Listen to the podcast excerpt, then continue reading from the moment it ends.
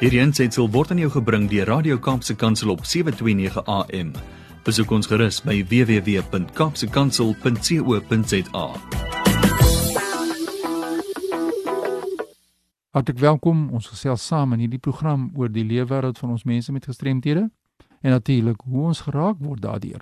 Baie familie, vriende word geraak deur 'n persoon wat gestremd is of werkgewers.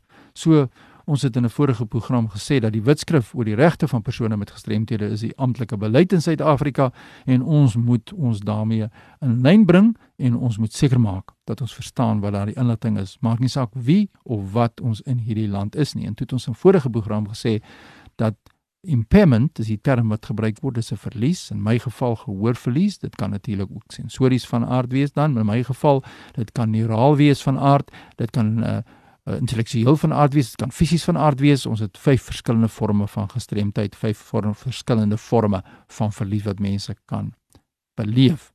Maar wat is gestremdheid? Hierdie verlies aan gehoor is nie gestremdheid nie dit is nog nie gestremdheid nie of is dit te sê dit is 'n gestremdheid nie. Kom ek verduidelik dit so. Kom ons luister eers wat sê die Wetskrif oor die regte van persone met gestremthede. Wat is gestremdheid? Hoe moet ons dit vir ons kinders ons mas of ons vriende, ons familie verduidelik wat is dit?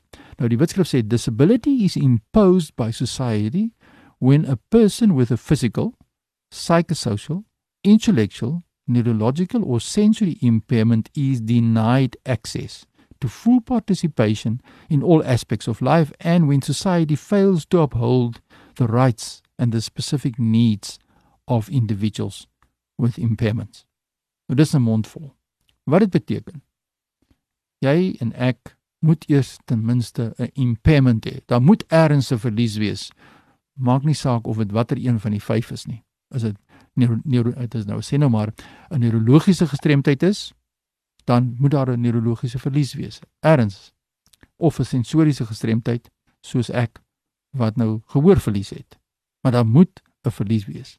Maar dit is nie noodwendig dat my vlak van my verlies vir my 'n persoon met 'n gestremdheid maak. Die gestremdheid kom in, soos die Witskrif hier sê, is imposed by society.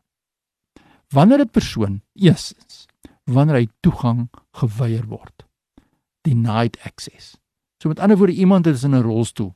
Hy het 'n fisiese impairment. Hy's 'n persoon wat 'n parapleeg is na ongeluk en nou gaan hy met sy rolstoel en hy kom by 'n gebou, by die biblioteek. En daar's net trappe. Daar's nie 'n oprit nie. So wat word daar dan? Wat vind hy dan? Dat is denied access. Hy word toegang geweier bloot op die feit dat hy 'n persoon is met 'n fisiese verlies, 'n physical impairment. So dis hoekom die Wetskrif sê disability is imposed by society on a person. Of tweedens, when society fails to uphold wanneer die gemeenskap in gebreke bly om die regte van 'n persoon te beskerm. So ons weet dat iemand wat doof is, het 'n gebaretaal tolk nodig om te kan volg as daar 'n gesprek is. Maar nou bly ons net in elk geval stil, ons doen dit nie. Ons gee nie daardie persoon die toegang tot daardie tolk nie. Ons hou 'n partytjie en een van ons vriende is in 'n rolstoel. So ons hou die partytjie op 'n plek waar daar nie 'n toeganklike toilet is nie. Wat doen ons? Ons fails to uphold. Ons bly in gebreke om te dink maar ons vriend in 'n rolstoel as ons nou gaan partytjie by die oord en daar's nie 'n toeganklike toilet nie, dan moet hy in elk geval maar by die huis bly want hy kan nie gaan nie as gevolg van die feit dat daar nie toegang is vir hom in sy rolstoel om as hy wil toilet toe gaan nie.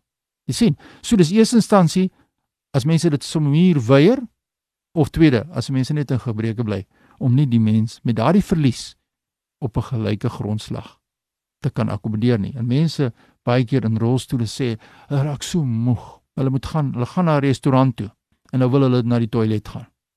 Nou moet hulle onderhandel waar is die sleutel van daai toeganklike toilet baie keer by klein restaurante. En uiteindelik soms sê mense vir my as hulle die sleutel gevind het, dan vind hulle dat die toeganklike toilet wat vir hulle toeganklik is, is vol gepak met besems en skoonmaakmiddels. Hoekom het die persoon daardie toilet nodig? Hy of sy wil onafhanklik na die toilet gaan Daar is in die Engels grab bars, grypreëlings aan die kant van die toilet. Die toilet het genoeg spasie waar hy of sy met sy rolstoel kan ingaan en om onafhanklik dan daardie gerief te kan gebruik. So wat praat ons van? Ons praat van onafhanklikheid. Mense wil onafhanklik op 'n gelyke basis hulle geriewe gebruik. So kom ons vat die restaurant. Iemand is blind. Hy gaan na die restaurant toe en hy kan nie lees wat daar gestaan van die items wat hy wil bestel nie. Die spyskaart is nie toeganklik nie. Is nie in brail nie. So wat moet hy doen? Hy moet vir iemand anders vra, luister, lees asseblief vir my. So jy neem die persoon se onafhanklikheid weg van hom. Hy kan nie op 'n gelyke basis besluit tussen wat se kos hy wil hê nie. Hy moet eers wag dat mense vir hom lees. Jy sien, dit is wat gestremdheid is. Gestremdheid en ek herhaal, ek sluit af deur te sê disability is imposed by society when a person with a physical, psychosocial, intellectual, neurological or sensory impairment is denied access. En dit is die boodskap van vandag. As jy voel jy is in 'n werkplek of ergens waar daar teen jou gediskrimineer word, waar jou regte ontneem word, of as jy voel ek werk in 'n plek waar ek verskriklik gelukkig is. Daar's soveel suksesverhale. Stuur dit deur na ons asseblief. Ons wil ook graag erkenning gee vir mense wat help om mense met gestremthede op 'n gelyke basis te integreer. My e-pos is fani.dt by mweb.co.za. Ek hoor graag van jou. Groetens tot 'n volgende keer.